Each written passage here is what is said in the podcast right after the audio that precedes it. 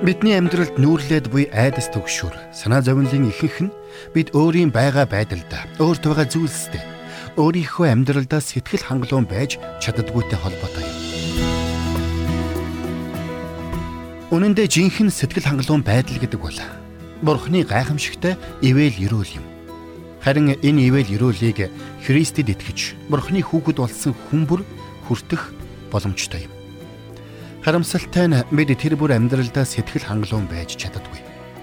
Тэгвэл хамтдаа нэвтрүүлгийн өнөөдрийн дугаараар доктор Стенли бидэнд амьдралдаа хэрхэн жинхэнэ сэтгэл хангалуун байдлыг олох талаар бидэнтэй ярилцгаулна. Ингээд доктор Стенли ярианд анхаарлаа хандуулцгаая.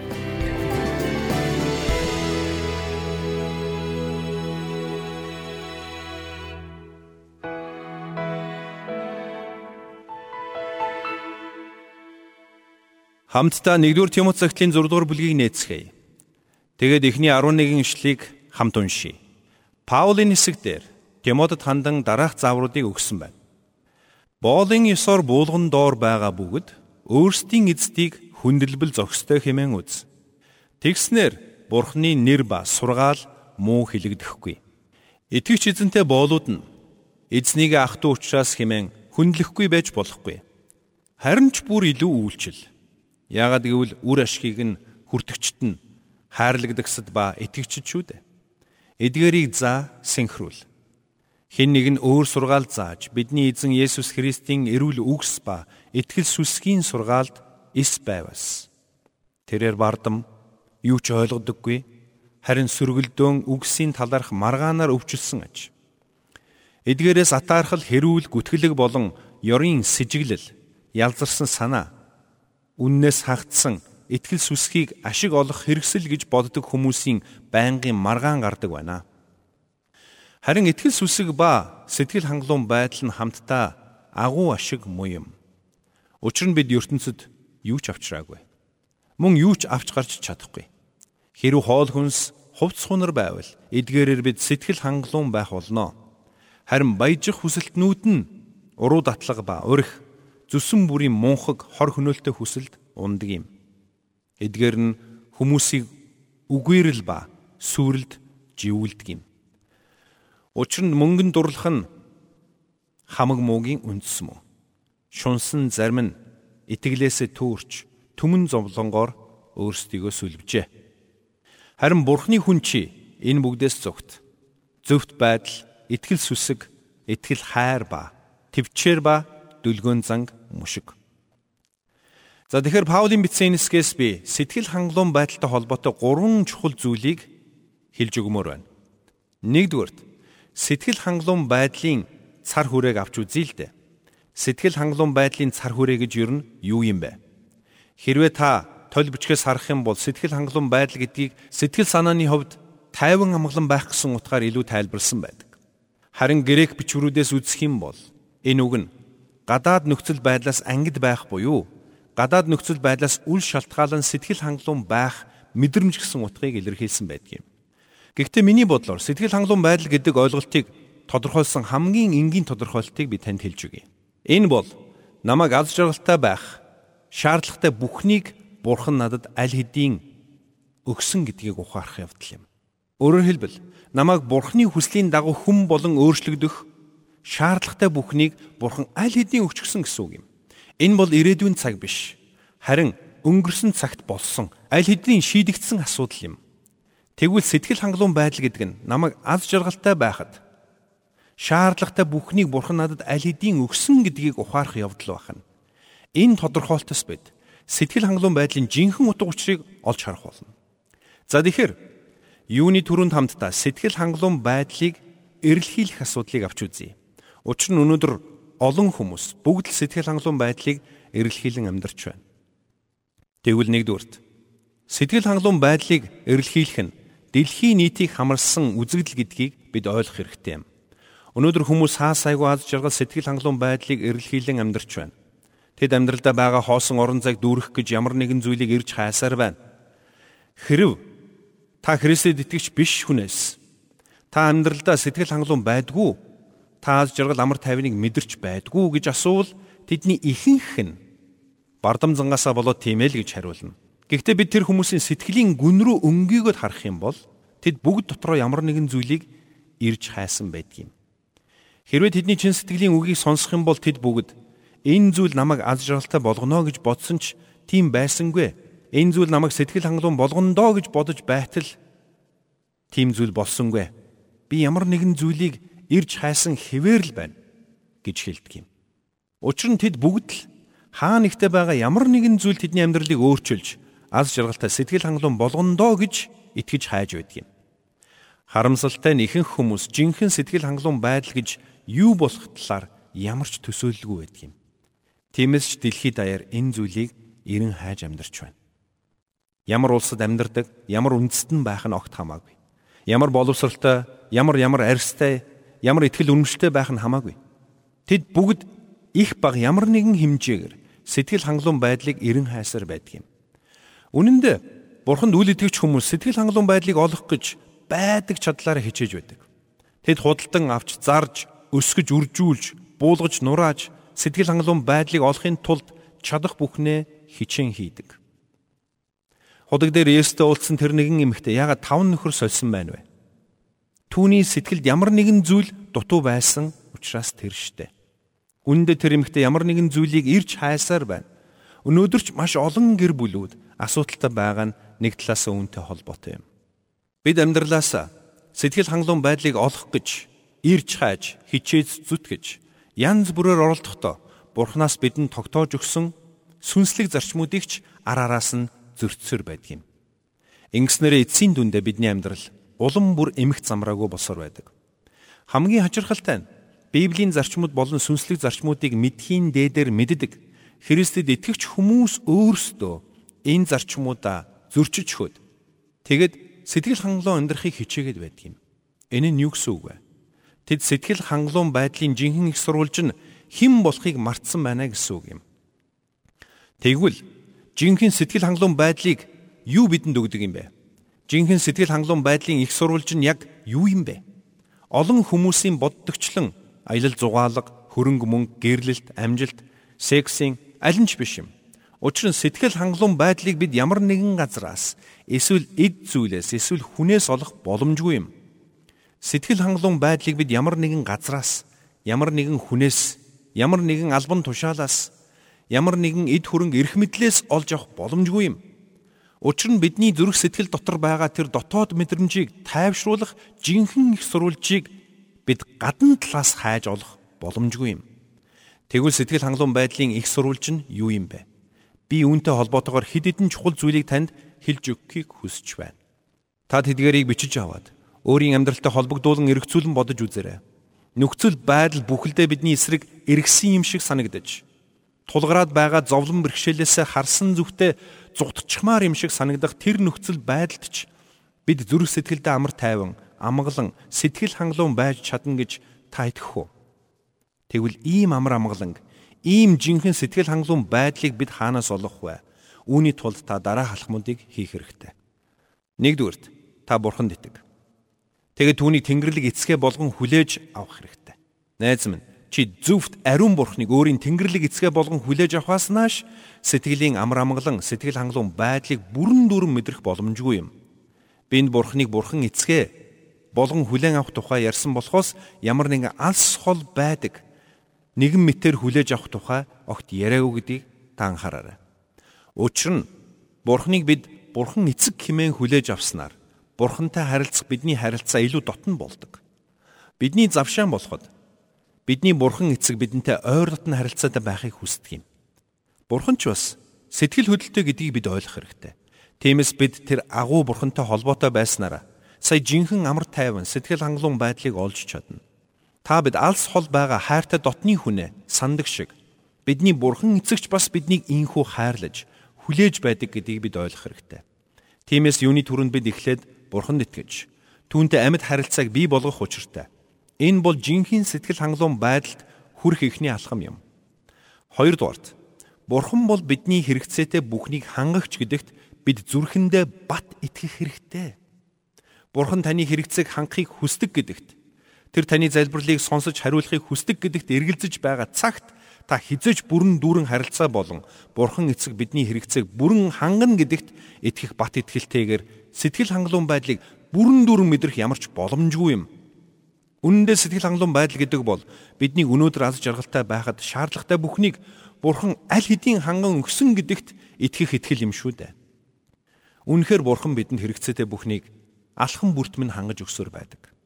Тэгэхээр бид юуны түрүүнд Христэд итгэж Бурханыг өөрийн Бурхан эцгээ болгон хүлээн авах ёстой байх нь. Харин хоёрдугаарт нь бид түүнийг бидний амьдралд хэрэгтэй бүхнийг хангаж өгдөг гэдэгт бүрэн дүүрэн итгэлтэй байх ёстой.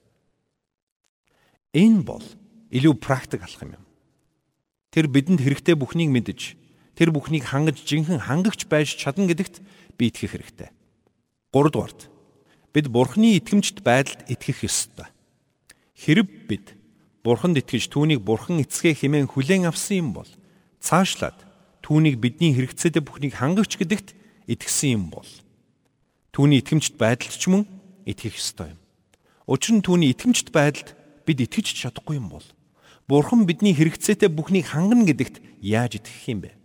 Тиймээс сэтгэл хангалуун байдлын гол түлхүүр нь түүний итгэмжт байдалд итгэх явдал юм. Хэрвээ Бурхан таныг хайрлаж танд хэрэгцээтэй бүхнийг хангаж өгөх болно гэдэгт итгэж чадахгүй бол та амьдралдаа сэтгэл хангалуун байж чадахгүй. Бурхан эцэг минь надад итгэмжт хандаж миний хэрэгцээт бүхнийг хангана гэдэгт та итгэж чадахгүй бол сэтгэл хангалуун байдлыг мэдэрч чадахгүй. Бид айж түгшиж, урам хугарч, сэтгэлээр унаж, санаа зовниж, цөхөрж, гутарч байгаа нь угтаа бол Бурхан эцэгтэй хандах бидний зүрх сэтгэлийн хандлагыг илчлэн харуулж байгаа хэрэг юм шүү дээ. Өөрөөр хэлбэл бид Түүнийг бидний бурхан эцэг шүү гэдэгт итгэж чадахгүй. Тэр бурхан эцэг биднийг хайрлаж, биднийг хэрэгцээтэй бүхнээр хангах болно гэдэгт итгэж чадахгүй байгаагийн илрэл. Тэр амлсан амлалтаа биелүүлэх итгэмжт бурхан гэдэгт итгэж чадахгүй байгаа нь амьдрал дах сэтгэл хангалуун байдлаар минь илэрч байдаг гэсэн үг юм. Энэ нь би энэ бурханд итгэж болно гэдэгт эргэлзэж байна гэж хэлж байгаатай агаар нэг юм. Тиймээс та бурхан бол таны эцэг бурхан гэдэгт итэг. Тэр таны хэрэгцээтэй бүхнэр чинь хангах агуу хангагч гэдэгт итэг. Тэр бол итгэмжт бурхан бөгөөд тэр энэ бүхнээ итгэмжтэйгээр хийх болно гэдэгт итэг. За ингээ хамтдаа саяын ярьсан бүхнийг илүү практик талаас нь авч үзье. Би сая жинхэнэ сэтгэл хангалуун байдалд бидний хөдлөх гурван чухал зүйлийг танд хэлж өглөө.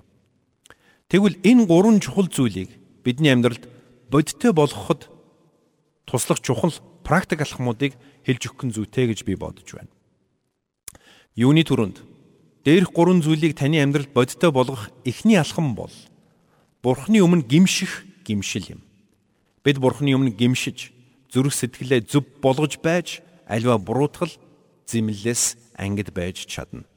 Хэрвээ бид зүрхэндээ буруутгалыг тээсэр байх юм бол бид Бурхантай харилцах амьд харилцааг бий болгож чадахгүй төрнө. Өөрөөр хэлбэл бид Бурхныг биднийг хайрладаг Бурхан эцэг хэмээн хүлээн зөвшөөрж чадахгүй төрнө. Цаашилбал тэр бидний хэрэгцээг бүрэн хангадаг гэдэгт итгэж чадахгүй төрнө. Яагад гэвэл би гин буруутай учраас Бурхан миний хэрэгцээг хангахгүй байхаа гэсэн эргэлзээ бидний зүрхэнд байсаар байх болно. Тиймээс Бурхантай харилцах харилцаагаа эрүүл болго. Зүрх сэтгэлээ нягтал, зүрхэнд чинь болон амьдрал чинь байх ёсгүй. Альва зүйлсийг амьдралаасаа гаргаж хай. Таны зүрхэнд Бурханы эсрэг ямар нэгэн зүйл байгаа цагт таны амьдралд Бурханы өмнө тааламжгүй зүйлс байгаа цагт Таны зүрх сэтгэл хаач хизээж жинхэнэ амар амгалан жинхэнэ сэтгэл хангалуун байдлыг мэдэрч чадахгүй. Тиймээс та юуны төрөн зүрхээ нягталж Бурхны хүслээс гадуурх зүйлс байгаа бол түүнийгээ Бурхны минь гимшээрэ. Үүнээс нааш та жинхэнэ сэтгэл хангалуун байдлыг мэдэрч огт чадахгүй. Тэгвэл би танаас асууя. Таны зүрхэнд Бурхны хүслийн эсрэг ямар нэгэн зүйл байна уу? Тэр зүйл чинь сэтгэл хангалуун байдлаас чинь илүү чухал гэж үү? Хэрвээ тийм бол та Бурханаас сэтгэл хангалуун байдлыг гуйхаа болох хэрэгтэй. Хэрвээ та тэр зүйлсээ зуурсаар байх юм бол Бурханаас аз жаргал, амар тайвныг гуйхаа зогсоох хэрэгтэй. Учир нь таны амьдралд Бурханы эсрэг зүйлс байсаар байхад та түүнээсээ ангижрахыг хүсэхгүй. Санаатаагаар түүнийгэ хадгалсаар байгаа бол Бурханаас дээрх бүхний гуйн залбирх нь утгагүй хэрэг юм. Тиймээс таныг жинхэнэ сэтгэл хангалуун байдалд хүргэх хамгийн ихний практик алхам бол гим нүглээ улааж, гимшиж, зүрх сэтгэлээ Бурхны өмнө нээн, Бурхны өмнөх тааламжгүй зүйлсээ хүлээн зөвшөөрөх явдал юм. Учир нь Бурханд итгэгч хүмүүсийн дотор Бурханы ариун сүнс оршин байдаг. Тиймээс ч бидний дотор Бурханы өмнө тааламжгүй зүйлс байсаар байгаа цагт ариун сүнс биднийг ятгахсаар байх болно. Бидний гим нүгэлтэй байдалдаа сэтгэл хангалуун байхыг ариун сүнс хизээч зөвшөөрөхгүй. Тиймээс бид Бурханы өмнө бууж өгөх нь чухал юм. Хоёрдугаарт сэтгэлгээгээ өөрчлөн шинчил. Энэ юу гэсэн үг вэ? Энэ нь та амьдралынхаа гол төвд байгаа биш. Харин Бурхныг тавьд сурна гэсэн үг юм. Амин хуваа хичээсэн байдал, сэтгэл хангалуун байдал хоёр нэг дор байх боломжгүй юм. Тиймээс та бодол санаа, сэтгэлгээгээ өөрчилж Бурхныг бодол санааныхаа төвд тавьд сурах хэрэгтэй гэсэн үг юм. Энэ нь та амьдралаа харахтаа өөрийнхөө хүслийн дагуу бус, харин Бурхны хүслийн дагуу харж сурна гэсэн үг. Сэтгэлгээгээ өөрчлөн шинчил гэж хэлэхдээ би таныг өөрийнхөө сэтгэлгээг эргэж хараасай гэж хүсэж байна. Өөрөөр хэлбэл та амьдралынхаа талаар юу гэж бодож ирсэн бэ гэдгээ эргэн нэг хараарай гэсэн үг. Өмнө нь таны амьдралын гол төвд та өөрөө заларсан байсан. Бүх зүйлс таныг тойрон эргэлддэг байсан. Харин одоо та тэр байр суурьнаасаа өөрийгөө баг багаар буулгаж Бурхныг амьдралынхаа гол төвөө болгон залах ёстой гэсэн үг юм. Бурхан таны амьдралын гол төвд заларснаар таны амьдрал Бурхны хүслийг тойрон эргэлдэж эхэлнэ гэсэн үг юм. Тэр тохиолдолд юу болох вэ? Та амьдралаараа Бурхантай холбогдож эхлэх болно. Бурхан бол таны эцэг Бурхан гэдэгт та үнэн голоосоо итгэж эхлэх болно. Тэр бол таны хангагч гэдэгт та үнэн зүрхнээсээ итгэж эхлэх болно. Түүнд бүрэн итгэж түүний итгэмжт байдалд эргэлзэхэ болж эхлэх болно гэсэн үг. Харин та бодол санаагаа инхүү өөрчлөхгүй юм бол та өөрөө амьдралынхаа гол төвд заларсаар байх болно. Тиймээс Бурхныг амьдралынхаа гол төвд залхаас нааш та жинхэнэ сэтгэл хангалуун байдлыг мэдэрч чадахгүй гэдгийг сайн ойлгоорой. 3 дугаарт сэтгэл хөдлөлөө удирдан чиглүүл. Та амьдралдаа юг хамгийн ихээр хүсэж байна вэ? Та бүх зүйлийг өөртөө зориулан хүсдэг байсан. Хэрвээ тийм бол та одооноос эхлэн сэтгэл хөдлөл, хүсэл тэмүүлэл зөвөр удирдан чиглүүлнэ гэсэн үг өөрийн хүсэж байгаа зүйлийг биш Бурхны хүсэж байгаа зүйлийг ирж хайна гэсэн үг юм. Цаашилбал та өөрийн амьдрал тохиолдож буй альва бүхнийг Бурхантай холбон бодож түүнд чин сэтгэлээсээ талархаж түүнийг хайрлаж түүнийг магтаж түүнд санаа зовнилоо хуваалцаж сурах хэрэгтэй гэсэн үг юм. Өөрийн дотор төрж буй альва сэтгэл хөдлөлбөрийг Бурхны хүслийн дагуу өдөрдөн чиглүүлэхийг хичээх хэрэгтэй гэсэн үг юм. Зарим тохиолдолд бид Бурханаас бидэнд өгч буй ивэл, ерөөлд анхаарлаа хитрхи хандуулад Бурханыг өөрийг нь хайхаа мартчих гээд байдаг. Бурханаас иймч зүйл өгөөч, тиймч зүйлийг хийж өгөөч гэж гуйх үедээ заримдаа бид Бурханд биш, харин Бурханаас ирэх ивэл, ерөөл, ажил үйлсэд нь бүх анхаарлаа хандуулах гээд байдаг юм. Тиймээс бид бүх зүйл дээр Бурханыг энэ тэргүнд тавьж сэтгэл хөдлөлөө хүртэл Бурхны хүсэлд нийцүүлэхийг эрмэлзэх учиртай юм. Дөрөвдүгürt зориг чиглэлээ эргэж хар. Альва хүний туйлын зориг нь юу байх ёстой юм бэ? Мэдээж танд маш олон зориг байгаа. Мэдээж бидэнд олон зориг байх ч ёстой. Яг гэвэл биднийг амьдралдаа олон амжилтыг гаргаасаа гэж бурхан хүсэж байдаг юм. Харин тэр бүх зориг дундаас хамгийн энэ тэргүүний зориг яг юу вэ гэдэг маш чухал юм шүү. Энэ бол таны амьдралд хандсан Бурхны хүслийг таньж мэдхтэй шууд холбоотой. Та өөрийн чинь амьдралд хандсан Бурхны хүслийг таньж мэдэн түүний энэ хүслийн төлөө амьдрах хэрэгтэй. Бурхны энэ хүсэл таны амьдралын номер 1 зорилго болсон тэр цагт та Бурхны хүслийн дагуу алхаж эхэлнэ гэсэн үг юм. Таны амьдралын урсгал Бурхны хүслийн дагуу болох болно гэсэн үг юм. Энэ тохиолдолд Бурхантай харилцахад танд илүү амар байх болно. Бурхныг таны амьдралд байгаа хэрэгцээ бүхнийг хангагч гэж харахад илүү амархан байх болно гэсэн үг. Түүнийг таны амьдралд итгэмжтэй байх болно гэдэгт итгэхэд илүү амархан байх болно гэсэн үг. Эцэст нь амьдралаа бусдын амьдралыг босгон байгуулахад зориул. Та нэг зүйлийг маш сайтар ойлгох хэрэгтэй. Бүх зүйлээ зөвхөн өөртөө зориулсан хүн хизэж сэтгэл хангалуун байж чаддгүй юм шүү. Тиймээс ч бурхан өөрийн үгээрээ дамжуулаад биднийг өөрт байгаагаа бусадтай байнга хуваалцахыг ямагт уриалсаар ирсэн юм шүү. Бид өөрт байгаа хамгийн үнцэнтэй бүхнээ бусадтай хуваалцах хэрэгтэй. Тиймээс ч бид сайн мэдээг дэлхийд даяар түгээх үүргийг хүлээж авсан. Зөвхөн сайн мэдээг хуваалцаад зогсохгүй. Бид өөрт байгаа бусад зүйлсийг ч бусадтай хуваалцаж сурах хэрэгтэй. Та цуглаанд явж, бусад итгэгчтэй нөхөрлөж, Библийг уншиж, залбирч болно. Гэхдээ та амьдралаа бусадтай хуваалцаж, Бурханаас ирсэн ивэл өрөөлийг өөртөө хуримтлуулах бус, харин бусад руу урсгаж, өгч байж, сая жинхэнэ сэтгэл хангалуун байдлыг мэдрэх болно. Та анхааралтай сонсоорой. Таны амьдрал таны өөрийн чинь биш, харин таны дотор буй Бурхны хүслийн дагуу байж, мөн энэ амьдралаар чинь дамжуулан хин нэгний амьдрал өөрчлөгдөж байж, та сая жинхэнэ сэтгэл хангалуун байдлыг мэдрэх болно. Хэрвээ тийм биш бол таны амьдрал яг л мөксөн тэнгис шиг байх болно. Өөрчлөлт шинчлэлт гэж үгүй, хөдөлгөөнгүй, хөшүүн өмхий. Харамсалтай нь өнөөдөр маш олон итгэгчид яг ингэж амьдарч байна. Тэгээд тэд Бурхны өмнө очиод Бурхан минь би яагаад аз жаргалгүй амьдрна вэ? Та яагаад миний амьдралд ямар нэгэн зүйл хийхгүй байгаа юм бэ? Яагаад миний амьдрал хөндөй хоосон юм шиг санагдна вэ гэж залбирдаг. Тэгвэл яагаад гэдгийг би хэлж өгье. Яагаад гэвэл Бурхан та биднийг бие биеийнхээ төлөө өөрсдийгөө зориулдаг байгаасаа гэж хүсдэг юм. Ингиж байж бид сүнсээрээ өлсөж сангасан хүмүүсийг хоололж тэднийг тэнхрүүлж чадна шүү дээ. Бурхан биднийг бүтээхдээ өөрөө бидний амьдралын төвд байхаар бүтээсэн юм. Тиймээс тэр ариун бурхан бидний амьдралын төвд залрах үед бидний амьдрал мөксөн тэнгис биш харин тасралтгүй ундран ориглох булаг болон хувирдаг юм. Энэ булаг урссан газар бүртээ бурхны амийг хуваалцаж түгээдэг юм.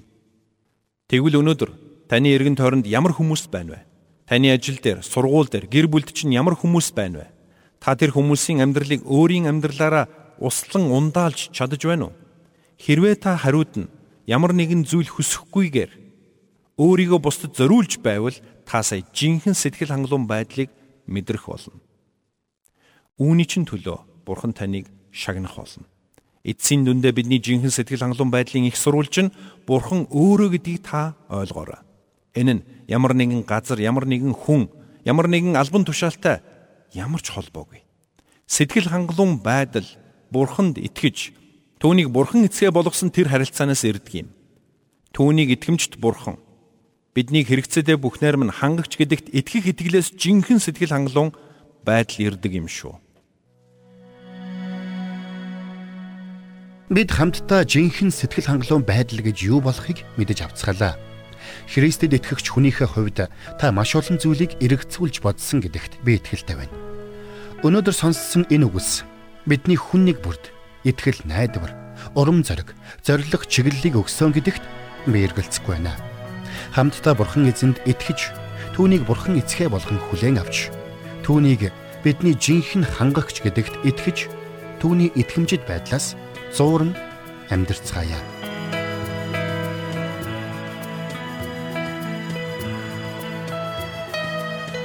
Бурханд тэмүүлсэн сэтгэл хүмүүсийг энэрх зөрхөөр амьдрахад туслах номлогч доктор Чарлз Стенлигийн хамттай нэвтрүүлэг сонсогч танд хүрэлээ.